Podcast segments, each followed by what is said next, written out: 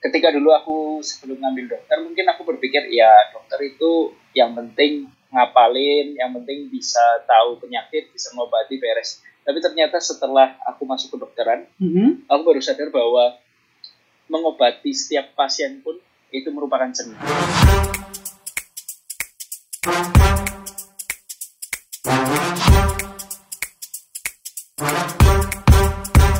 Halo sobat podcast, balik lagi sama gue Jordi. Dan di kesempatan kali ini gue sangat beruntung karena bisa mengundang seseorang yang apa ya bisa dibilang ini cukup expert di bagian medis nih. Bi- Biasanya dipanggil siapa nih enaknya nih? Pak, kok atau dok nih? Nah, ini biasanya boleh panggil pak boleh panggil kau juga atau boleh panggil dok tapi jangan dipakai tiga-tiganya sekaligus ya Gak enak ya manggilnya langsung ya. nggak enak. Pak Kodok jadinya ya. Silakan Pak Dok, boleh perkenalkan diri dulu. Ya, halo semua. Eh, namaku Freddy. Eh, aku seorang dokter umum yang lagi ambil spesialis di bidang eh, kedokteran olahraga. Itu sih. Eh, mau nanya dulu nih Pak Dok, Eh, emang dari awal tuh pengen jadi dokter apa gimana sih? Dari awal, waduh jangan ditanya kalau awalnya. Awalnya ya namanya anak SMA ya ditanya mau jadi apa ya suka-suka yang disuka ya. Mm-mm. Aku sih dulu pengennya masuk jurusan yang ada hubungannya sama seni lah, soalnya aku suka seni. Mm-mm. tapi ya apa boleh buat kan sama orang tua nggak boleh kan jadi ya kata kata orang tua kan kalau zaman dulu kan mereka masih berprinsip kalau seni itu makan apa gitu katanya kan Iya. jadi ya akhirnya diambil jalan negosiasi mereka juga lihat apa yang selain seni pelajaran apa sih yang aku suka nah aku suka biologi makanya aku eh, akhirnya dari situ aku mutusin buat ambil kedokteran gitu Oh gitu. Emang kalau boleh tahu nih, awalnya tuh seninya pengen ke mana nih Pak Dok? sebetulnya aku suka segala macam seni sih jadi nggak cuma tapi aku relatif lebih suka seni lukis ya gambar gitu Ah. lebih suka itu Oh. lain-lainnya kayak dance music aku juga suka sih Hmm. Oh iya, karena aku beberapa kali kan pernah lihat kayak Pak Dok juga sempat update kayak ngedance, terus apa fo- foto juga kan, kita satu pelayanan juga di gereja. oke Eh, eh, emang emang jiwa seninya kayak apa ya walaupun jadi dokter jiwa seninya tetap harus bisa disalurkan ya iya dong oke Ya, nih tapi Hmm? sebetulnya yang eh, kalau di masalah dokter itu nggak cuma untuk ini sih maksudnya ketika dulu aku sebelum ngambil dokter mungkin aku berpikir ya dokter itu yang penting ngapalin yang penting bisa tahu penyakit bisa ngobati beres tapi ternyata setelah aku masuk ke dokteran Hmm? aku baru sadar bahwa mengobati setiap pasien pun itu merupakan seni karena Boleh, boleh, boleh. Iya. Seni dalam mengobati ya. Iya benar, karena dua orang dengan penyakit sama ternyata obatnya bisa jadi berbeda dan itu eh, butuh seni sen- tersendiri sih untuk mendekat mendekati orangnya, menggali penyakitnya dan menerapi dengan tepat itu namanya makanya ada ungkapan bilang eh, medicine is an art. Wih, boleh, boleh, boleh. Oh iya, tadi sempat kan mention kalau untuk treatment dua orang aja kan itu bisa berbeda. Biasanya nih Pak Dok, itu dari apanya sih yang kita lihat kayak mungkin antara gen kah atau mungkin kondisi tubuh kah atau gimana tuh Pak Dok? eh kita contoh ambil yang simpel lah ya misalnya Mhm. orang eh, obesitas obesitas atau kegemukan sekarang kan lagi banyak ya Ya. nah orang gemuk itu dia itu dua faktor tuh ada yang gemuk karena dia makannya berlebihan. Mm-mm. ada juga yang dia makannya sebetulnya normal tapi karena dia kurang gerak jadi dia jadi gemuk juga. Hmm. ada lagi yang ketiga adalah yang kombinasi keduanya. Jadi dia udah makannya banyak kurang gerak lagi. Jadi ini juga beda. Jadi masing-masing dari ketiganya itu ya ter- perlakuan terapinya tentu saja berbeda dong. Nggak nggak kita sama ratakan. Hmm, betul betul.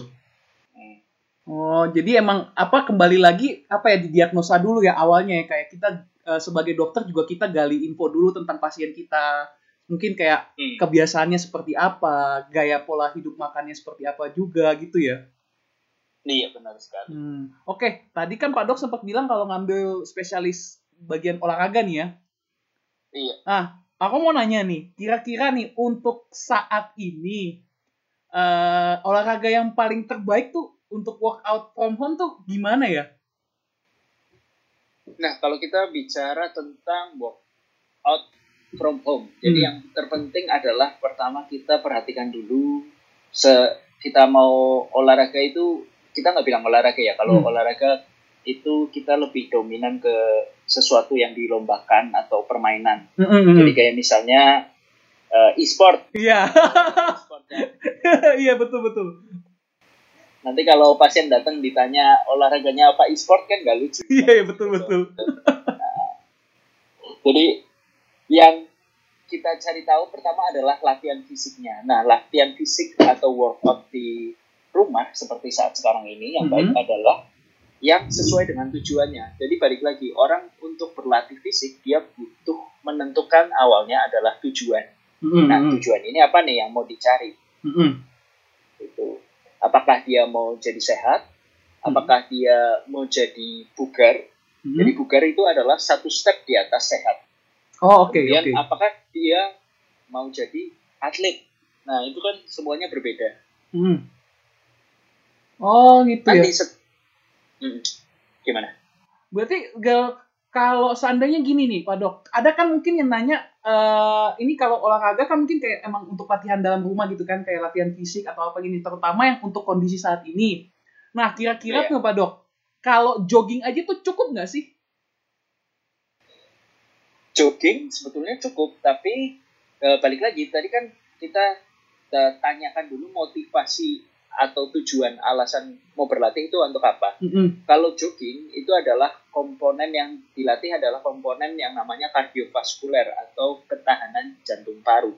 Hmm, Nah, oke, oke. kalau seseorang itu melakukan jogging, tentu saja yang seharusnya meningkat adalah ketahanan jantung paru tadi, tapi dia tidak terlalu berefek kepada kekuatan otot dan daya tahan otot. Hmm. Otomatis kalau seseorang itu mau sehat secara kardiovaskuler, mungkin tepat melakukan seperti jogging, Mm-mm. mau kurus juga mungkin tepat melakukan seperti jogging. Tapi kalau dia ingin membentuk massa otot, jadi Hmm. misalnya dia pengen lebih terlihat kekar seperti itu, tentu saja untuk melakukan jogging itu kurang tepat. Hmm, oke.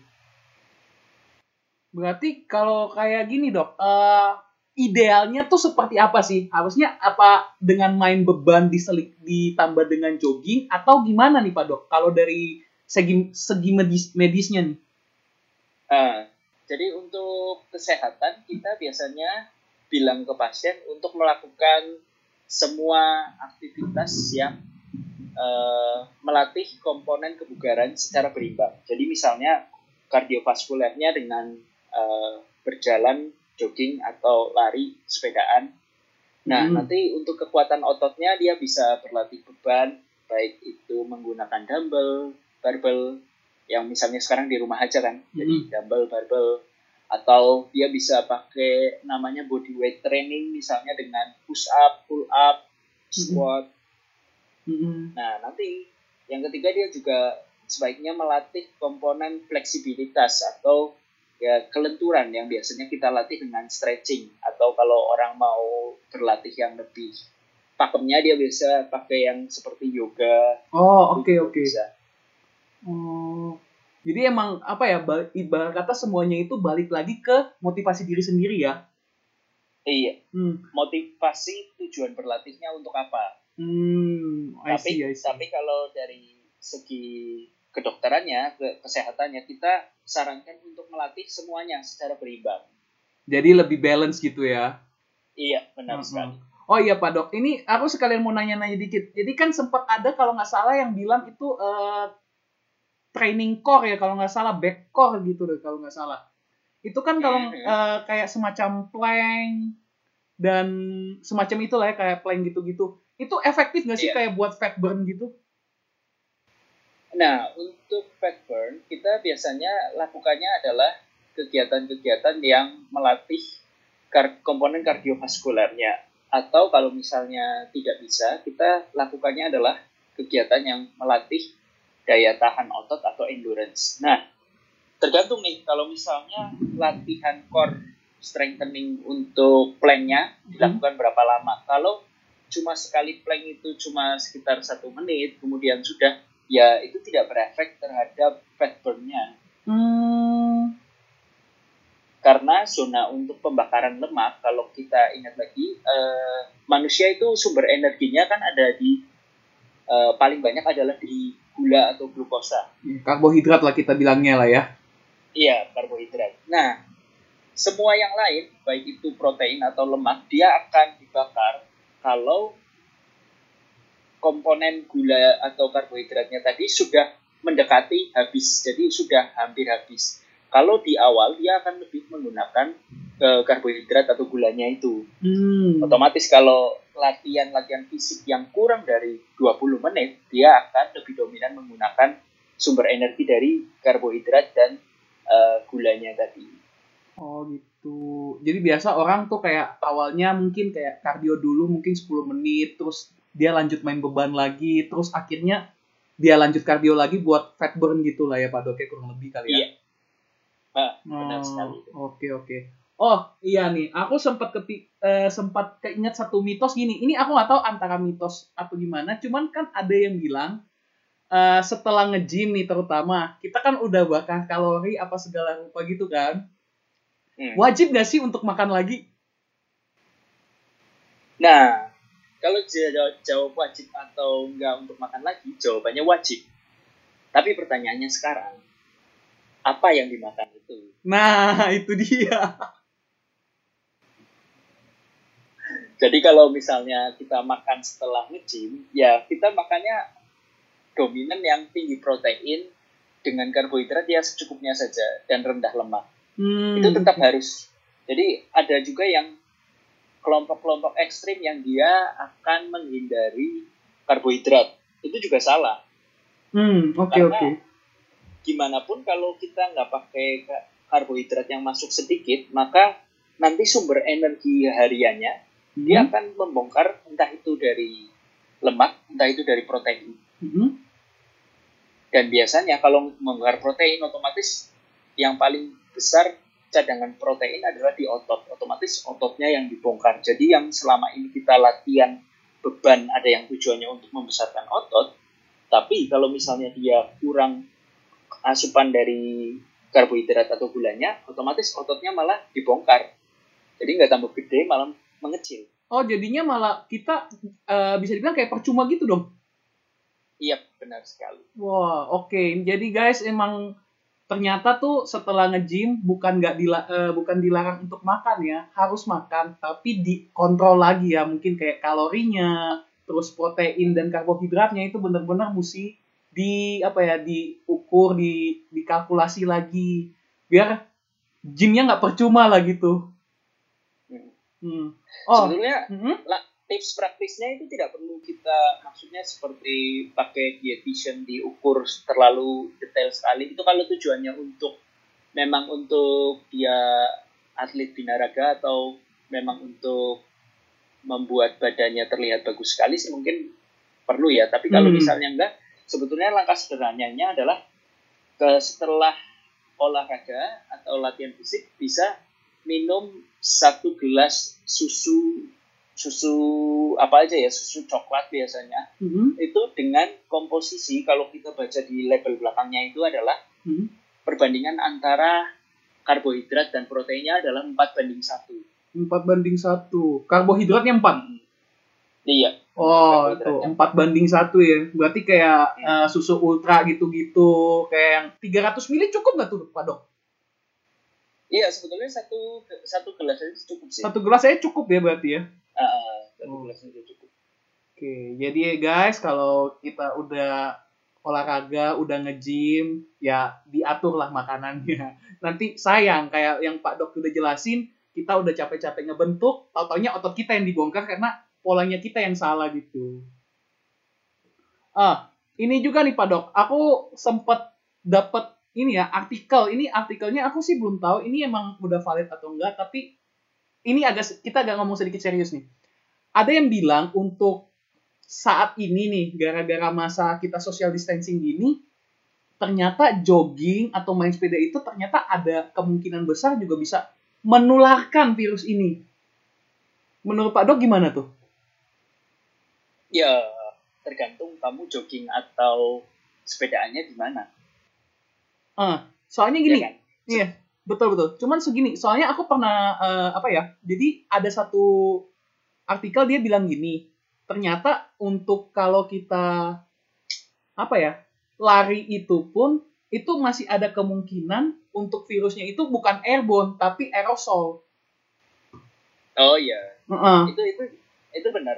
Aerosol itu kan jadi kayak partikel kecil ya, partikel mm-mm. kecil yang dia ngambang di udara. Mm-mm. Ya memang dia bisa terkena, Mm-mm. tapi eh, sebetulnya untuk presentasinya kan ya kita nggak tahu seberapa. Memang sekarang sih anjuran paling aman adalah melakukan segala sesuatunya di dalam lingkungan rumah. Mm-mm. Itu pun di dalam lingkungan rumah pun kan kita juga tetap harus jaga jarak dengan orang di dalam rumah. Jadi yang sekarang physical distancing itu tidak hanya untuk orang-orang di luar rumah, tapi juga untuk orang-orang di dalam rumah. Mm-mm.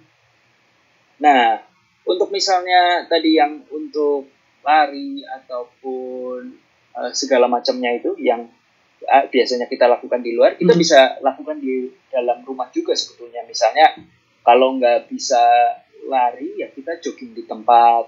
Hmm. Kalau jogging di tempat nggak bisa, kita bisa naik turun tangga.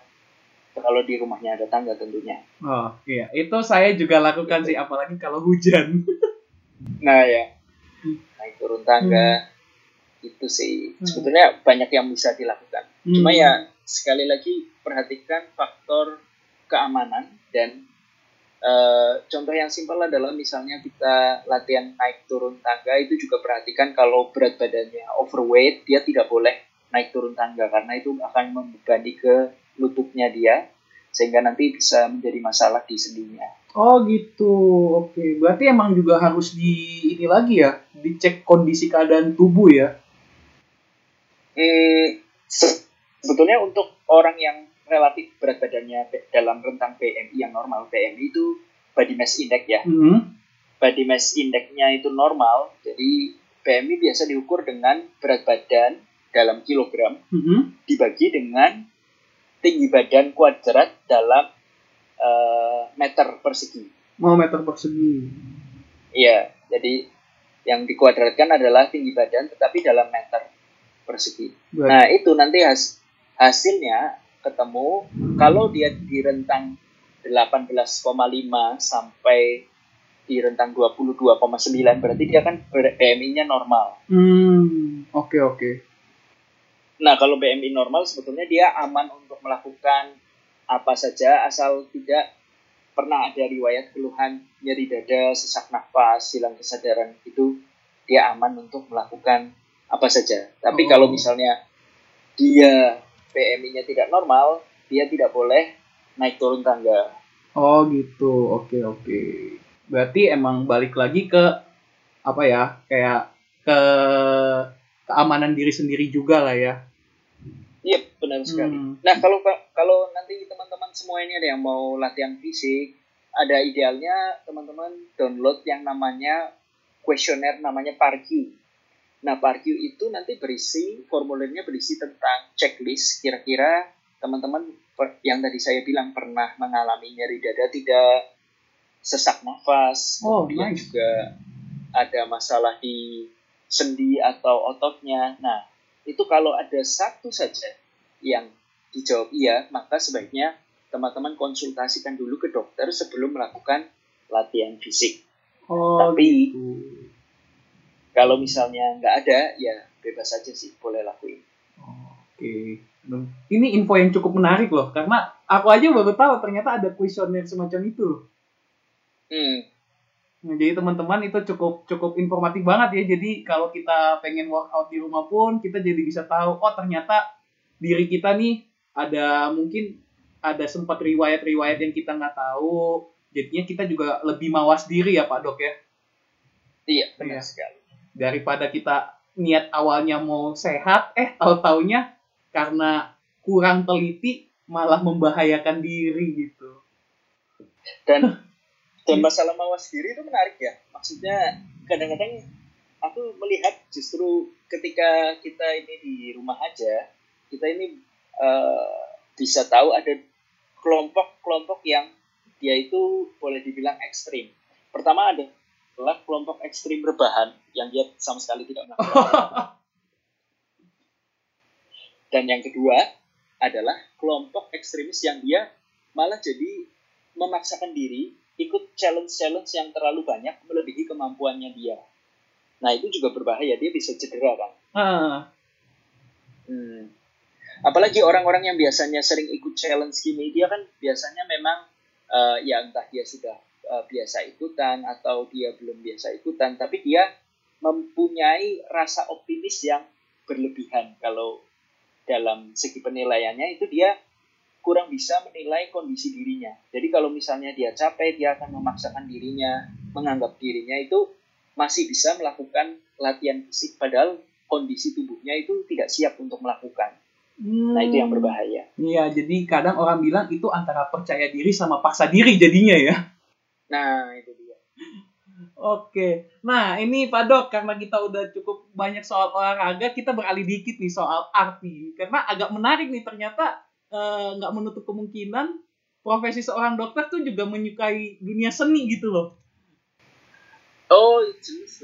Coba coba kalau kalau kamu lihat ada nggak dokter yang mendalami dunia seni selain aku pasti. Uh, kalau seni sih yang terkenal kan pasti Tompi ya kan okay, Dokter Tompi itu dia udah seniman juga, seniman nggak senimannya hanya dalam bentuk musik, tapi kan dia juga punya ini kan ya uh,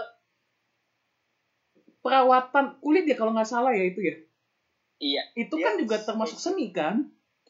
Spesialis bedah plastik. Nah ya. itu itu juga nah. ibarat kata kita bilangnya kan seni kayak seni orang ya namanya apalagi terutama cewek nih ya kita ngomong jujur aja cewek pasti ingin terlihat performanya maksimal mau lesung pipitnya lipatan mata semuanya itu kan maunya yang perfect nah itu juga kan bagian dari seni nah kalau untuk Pak Dok sendiri ini aku lihat di Instagram ini cukup menarik karena aku baru tahu ternyata Pak Dok bisa sketch ya iya aku ya itu tadi yang aku bilang dari SMA kan aku sukanya yang seni rupa hmm. ya gambar gitu aku hmm. lebih suka itu sketsnya itu mulai kapan tuh sampai bener-bener bisa aku karena aku lihat yang di Instagram itu kan itu bener-bener kayak apa ya udah maksudnya bukan kayak orang-orang yang amatir gitu loh yang baru nyoba kayak dua tiga bulan tapi kurang lebih kayak mungkin tuh udah setahunan gitu. Bahkan mungkin udah sempat kita ngomong kayak dulu kita kecil-kecil dilesin lah gitu. Oh kalau dulu memang waktu kecil aku dari SD itu aku belajar uh, gambar sih. Oh emang dari kecil ya? Uh, belajar gambar dan uh, awalnya sih nggak di lesin ya cuma suka kalau misalnya ada di buku kan ada uh, manga atau kartun-kartun gitu aku suka gambar nah itu aku ya mulai dari situ aku suka uh, gambar terus habis itu juga kadang-kadang diikutkan ke beberapa lomba ya itu awalnya aku suka dari seni rupa ya di situ sih hmm. pernah juara dok Iya, puji Tuhan pernah sih. Wih, kalau boleh tahu itu uh, apa? Gambar pas kapan? Pas SD ya, SD kan dulu sering ada kayak lomba por seni gitu kan. Uh, uh, uh. Pekan olahraga dan seni. Iya, iya. Uh, pernah hmm. mewakili sampai uh, tingkat ini aja sih daerah. Wih, lumayan. Daerah pun juga setidaknya itu cukup uh, jatuhnya udah nasional lah ya. Walaupun hanya daerah yeah. gitu Wah, menarik, menarik nih. Nah, selain sketch juga nih, kita ada kemiripan dikit lah nih. Kan kalau Pak Dok kan di dunia fotografi nih. Dari foto, ya. apa mendalami fotografi itu sejak kapan Pak Dok? Nah, kalau kalau fotografi itu ceritanya unik lagi. Jadi aku masuk ke fotografi itu waktu aku terpaksa masuk ke oh, terpaksa bahasanya terpaksa masuk ke kedokteran ya kemudian di kedokteran itu kan kita kan waktunya tersita banyak jadi mm -hmm. kita nggak bisa lagi yang namanya uh, mendalami untuk seni-seni yang tadi kayak seni rupa seni mm musik dan lain sebagainya. Dance pun dulu aku nggak sempet sih kalau yang waktu S1 kedokterannya aku nggak sempet ngedance. Hmm. cuma di akhir-akhir aja aku sempetnya. Nah akhirnya aku mikir apa ya seni yang bisa jadinya relatif instan? Nah terus aku eh, mulai mikir-mikir sambil cari-cari ternyata ada foto nah foto kan bisa relatif lebih cepat kan Iya, iya. kalau mungkin gambar kita minimal butuh waktu setengah jam sampai satu jam lebih untuk menghasilkan satu gambar foto tinggal komposisinya pas kita ambil cekrek jadi Jadi, nah, iya betul. itu itu yang buat aku mikir ya inilah foto aja aku belajar foto Berarti dari itu, eh, pas lagi ngambil S1 berarti ya? iya benar sekali Hmm, Sampai sekarang masih demen foto, Pak Dok? Masih sih masih teman foto hunting hunting kadang-kadang Berarti Tuh. ini menunggu setelah pandemi ini selesai kayaknya jiwa jiwa apa ya jiwa seni kita meronta-ronta nih. pengen foto, pengen nge-shoot, pengen ini, pengen itu. iya bener sih Karena emang udah kadang-kadang kalau gimana? Eh, gimana? Oh iya, kadang-kadang kita mi- misalnya pun pas di rumah kan tetap bisa buat eh, foto kan. Maksudnya Hmm. sekarang banyak yang eh, fotografer-fotografer yang di dia main TikTok atau main YouTube kan dia juga kasih tutorial gimana sih Ah, cara ah, ah. buat foto yang ketika dia bisa di rumah aja pakai mungkin makro atau apa. Mm, mm, mm. Emang sih, jadi emang nggak terbatas ya kalau apa ya karena seni terutama emang benar sih untuk foto kayak sekarang tuh lebih instan gitu. Hmm. Kayak ya kita emang kayak tadi Pak Dok bilang gambar setengah paling cepet aja tuh setengah jam ya, udah paling cepet Hmm. gitu ya. Sedangkan foto udah atur gini gini gini jekrek jepret jadi udah tinggal mau upload Instagram bisa, mau di print juga bisa, tinggal terserah Iya. diri kita sendiri aja yang mau di post di sosmed atau emang dikoleksi di rumah gitu ya. Iya benar sekali. Hmm. Nah, nih ada satu lagi nih yang menurut saya nih cukup unik sih dari Pak Dor ini, terutama dari ini seni analogi cinta. Asik. Karena jujur nih, kalau aku sering lihat apa story uploadnya Pak Dok, terus emang beberapa di feed Insta- Instagram tuh ada aja gitu loh selipan-selipan yang gimana ya cukup eye catching tapi ternyata love love apa ya kayak love life banget gitu. Itu awalnya dari mana nih Pak Dok bisa sampai terinspirasi seperti itu? Eh, itu ceritanya unik ya. Jadi sebetulnya kalau diceritain itu cukup panjang. Jadi awalnya aku eh, mulai buat-buat tulisan tentang itu itu waktu sekitar tahun 2017 ya. Hmm. Jadi sekitar 2017 itu adalah pertama kali aku mulai suka buat tulisan tentang cinta karena di tahun itu ada momen bersejarah Weh. sekaligus momen sekaligus momen menyedihkan. awal mulanya ya berarti emang kayak setelah dipikir-pikir kayak kita memulai sesuatu itu emang ada dasar satu dorongan tersendiri ya. Kayak mungkin tiba-tiba bisa kayak membuat apa kayak quote-quote yang love gitu. Karena emang ada masa lalu yang gimana ya kita bilangnya kayak sebuah dorongan lah gitu ya.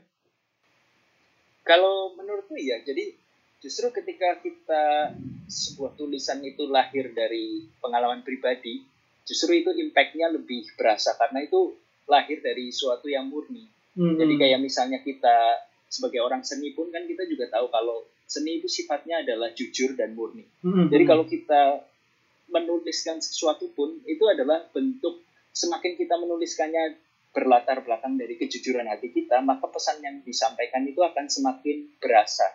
Dibandingkan kalau kita tidak merasakannya terus kita nulis itu ya orang orang bisa baca tapi dia nggak dapat feel kesannya itu di mana. hambar lah ya kita bilangnya lah ya Iya. Mm-mm. kayak kayak feel-nya kurang gitu kayak mungkin penggunaan kata apa terus analogi-analogi yang dipakai itu sebenarnya pas tapi seakan-akan mungkin kalau kata katanya dibilang fake lah ya gitu karena kurang kurang greget gitu loh nggak kayak men, bener-bener nggak keluar dari hati seorang yang menulis itu Iya. Hmm. dan momen momen-momen istilahnya momen-momen kejatuhan aku momen di mana aku merasa hidup ini nggak bermakna karena habis diputus pacar dan pacarnya menikah itu itu Hmm. adalah momen aku benar-benar merenung dan mendekatkan diriku ke Tuhan. Gimana sih aku uh, merasakan bahwa ternyata di hidup ini banyak kejadian yang kadang-kadang tidak sesuai dengan harapan kita. Nah dari situ justru aku dapat sesuatu bahwa momen-momen seperti ini adalah penting untuk kita bisa menginspirasi orang lain menolong mereka yang mengalami masalah serupa. Nah, dari situlah aku mulai berpikir bahwa ya, ketika aku menulis ini adalah salah satu bentuk pelayananku dalam menjangkau mereka yang pernah mengalami masalah serupa supaya mereka pun ada dorongan untuk bangkit kembali dari masa-masa yang mungkin kata orang separuh napasnya hilang, belahan hatinya pergi atau apa pun itu.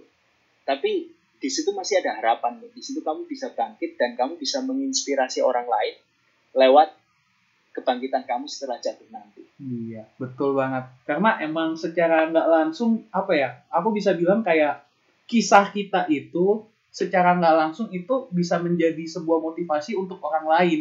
Karena uh, apa ya? Mungkin orang itu dia nggak tahu, oh ternyata ada juga yang mengalami kisahnya seperti diri dia gitu loh. Cuman mungkin agak beda versi dikit. Tapi intinya sama. Mungkin ya kayak entah keluarga atau mungkin soal percintaan atau apa pun itu ternyata dia nggak sendiri gitu loh ada orang lain juga yang mengalami hal itu tapi mungkin dari cara apa ya kayak kita udah sharing kita menceritakan kisah kita juga. Ternyata ini gue juga pernah kayak gini loh tapi gue bisa survive karena begini begini begini. Akhirnya ya kayak tadi Pak Dok bilang emang jadinya bisa membantu orang itu untuk bangkit dan ya jadinya nggak sampai amit-amit kata ya. Kadang-kadang kan orang bisa bunuh diri lah apa kayak gitu kan terlihatnya konyol gitu loh. Padahal mereka masih bisa memberikan lebih lagi gitu. Hmm. ternyata menarik ya kalau boleh tahu nih Pak Dok itu quote-quote cintanya itu akan dibukukan kah atau gimana nih? Itu banyak yang bilang ya mungkin nggak tahu sih. Aku sementara sih aku belum berpikir ke sana tapi mungkin nanti setelah selesai pendidikan kalau waktunya ada ya dan ada jalannya ya mungkin aku bukuin siapa tahu aku belum kepikiran sih tapi tapi soalnya menurut aku gini loh Pak itu yang keluar seperti itu tuh kadang-kadang ya kita kadang untuk beberapa konteks ada yang pas banget. Aku pribadi aku pribadi ya ada tuh yang benar-benar ih pas banget. Ada yang hmm, sedikit nyeleneh tapi masih masuk. Bahkan ada tuh yang benar-benar uh, relatable banget gitu loh. Hmm. Hmm, kayak yeah. yang apa ya kapan hari aku ingat kalau nggak salah uh, hashtag rambu-rambu cinta itu itu itu benar-benar banyak yang relatable loh hashtag rambu cinta nah iya. itu itu memang uh, hashtag rambut cinta yang aku sering buat di story itu memang uh, relatif aku paksa. Jadi istilahnya aku paksa otakku untuk berpikir secara lateral. Jadi ber, ketika aku menemukan suatu uh, apa ya istilahnya rambu atau apa, aku biasanya memaksa otakku untuk merenungkan itu dan mengkaitkannya dengan cinta dan itu bisa masuk dengan ya dengan kadang-kadang bisa dapat seolah kayak dapat inspirasi dari Tuhan gitu sih. kadang-kadang bisa receh tapi kadang-kadang relatable banget ya. Hmm. Uh -uh, bener juga sih. Secara nggak langsung juga akhirnya kita melatih ini ya kayak kreativitasnya kita bukan sih? Iya. Karena Benar aku, sekali. Mm -mm, karena aku mikir gini, uh, aku ambil contoh aja waktu apa ya waktu masa-masa awal-awal lah. Kalau nggak salah minggu pertama minggu kedua tuh.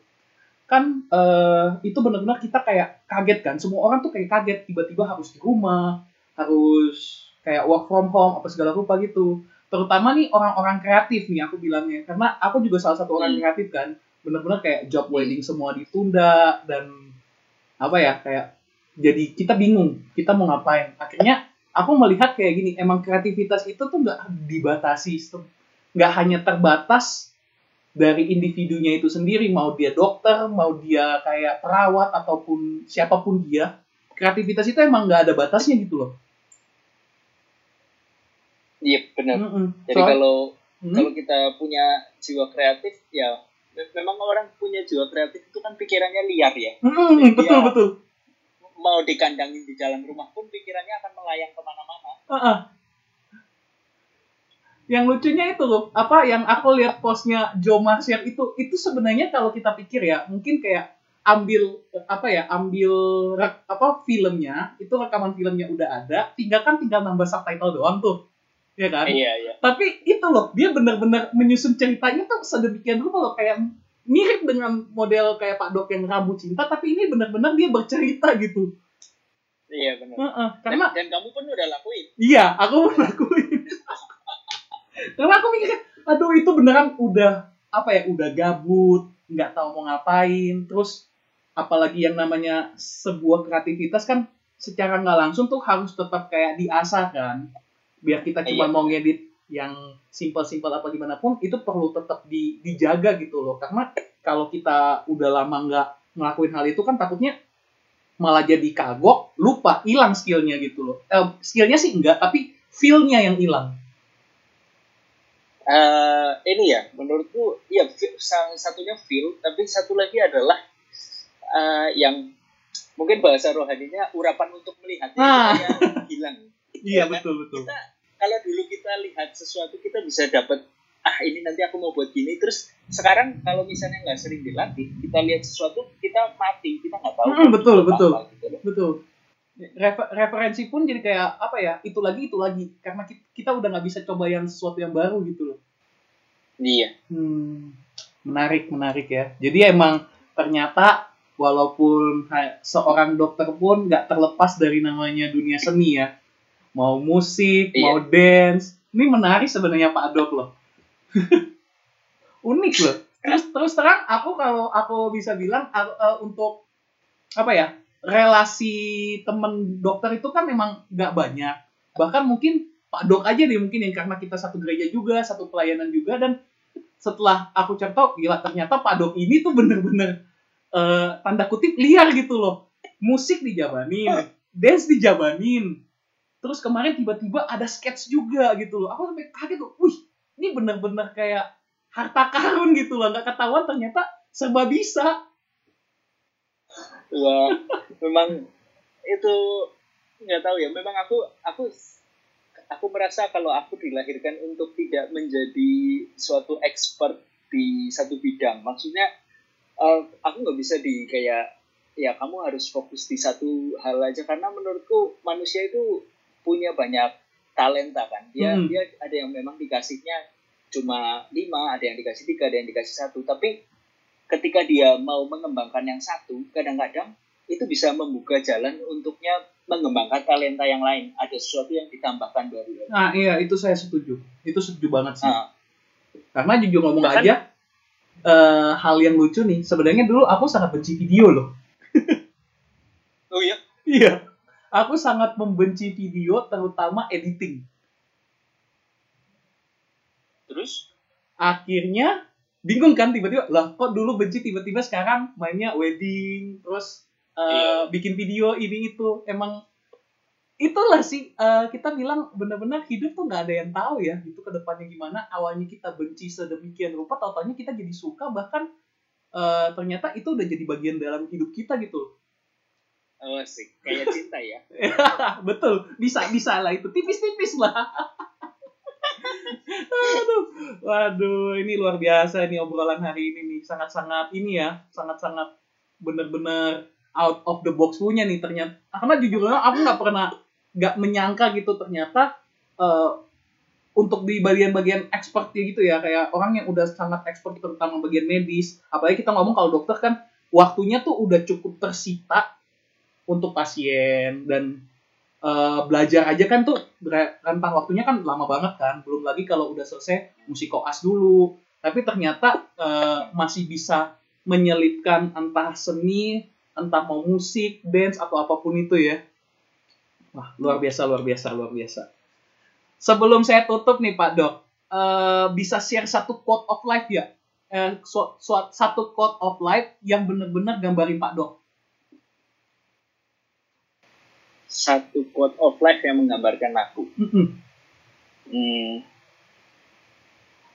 menurutku hidup itu kita harus jadi orang yang seimbang.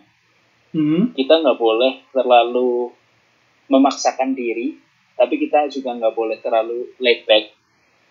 kita nggak boleh terlalu fokus pada satu hal tapi kita juga nggak boleh terlalu menyebar tanpa tujuan yang jelas jadi menjadi di tengah itu kadang-kadang memang adalah jalan yang lebih baik untuk bisa dapat menikmati hidup itu sih Wih, lumayan. Boleh nih, boleh. Cukup. Ini ada unsur-unsur cinta juga nggak tuh? Bener loh kalau kalau kalian mencintai juga jangan terlalu ekstrim jadi selama belum ada status ya jangan terlalu ekstrim ya santai-santai saja lah nanti kalau udah ada status baru mencintai dengan lebih Wah, itu itu kata dokter cinta kita versi Jordi. Oke, thank you banget nih Pak Dok untuk sharing hari ini. Ini luar biasa. Nggak cuman kita juga tahu soal apa ya kayak olahraga itu ternyata juga eh, beberapa mitos ternyata bukan kita eh, itu sebenarnya bukan mitos ya, tapi emang secara yang benarnya tuh emang harus seperti itu adanya. Tapi kadang-kadang kan orang menganggap itu mitos ternyata gitu loh. Dan jadinya kayak apa ya ada misinformasi di situ. Iya. Hmm. oh dan satu lagi Ya. tadi kan berkaitan dengan isu sekarang covid ini ya Hmm. kalau kalian olahraga atau latihan fisik jangan berlebihan juga karena kalau berlebihan tadi selain uh, bisa cedera juga bisa menurunkan kekebalan tubuh. Jadi ingat latihan yang normal saja dengan frekuensi cukup 3 sampai 5 kali seminggu itu uh, durasinya 150 menit. Nah, oke. Jadi emang kalau kita tarik ke semuanya itu segala sesuatu yang berlebihan itu nggak baik ya. Iya. Bahkan terlalu mencintai pun jadinya tidak baik ya. Nanti sakit. Sakit. Oke deh, thank you banget Pak Dok buat sharing hari ini. Thank you guys udah Iya, iya. dengerin kita. Semoga ini bermanfaat banget buat kalian juga dan kita juga jadi bisa apa ya menjaga imun tubuh kita di masa-masa kayak gini karena emang eh, jujur ngomong kadang kita kalau udah saking magernya tuh pengennya rebahan dulu ya Pak Dok ya. Iya, itu juga nggak bagus. Ba- emang nggak bagus banget dah. Aduh, emang harus semangat semangat walaupun hanya di rumah tapi kita bisa melakukan hal-hal yang baru di rumah. Thank you so much Mas Iya. Dok. Ya semoga semua yang mendengarkan ini semoga kalian mendapat sesuatu. God bless dan kita ketemu lagi di podcast berikutnya. Bye bye Pak Dok. Bye bye.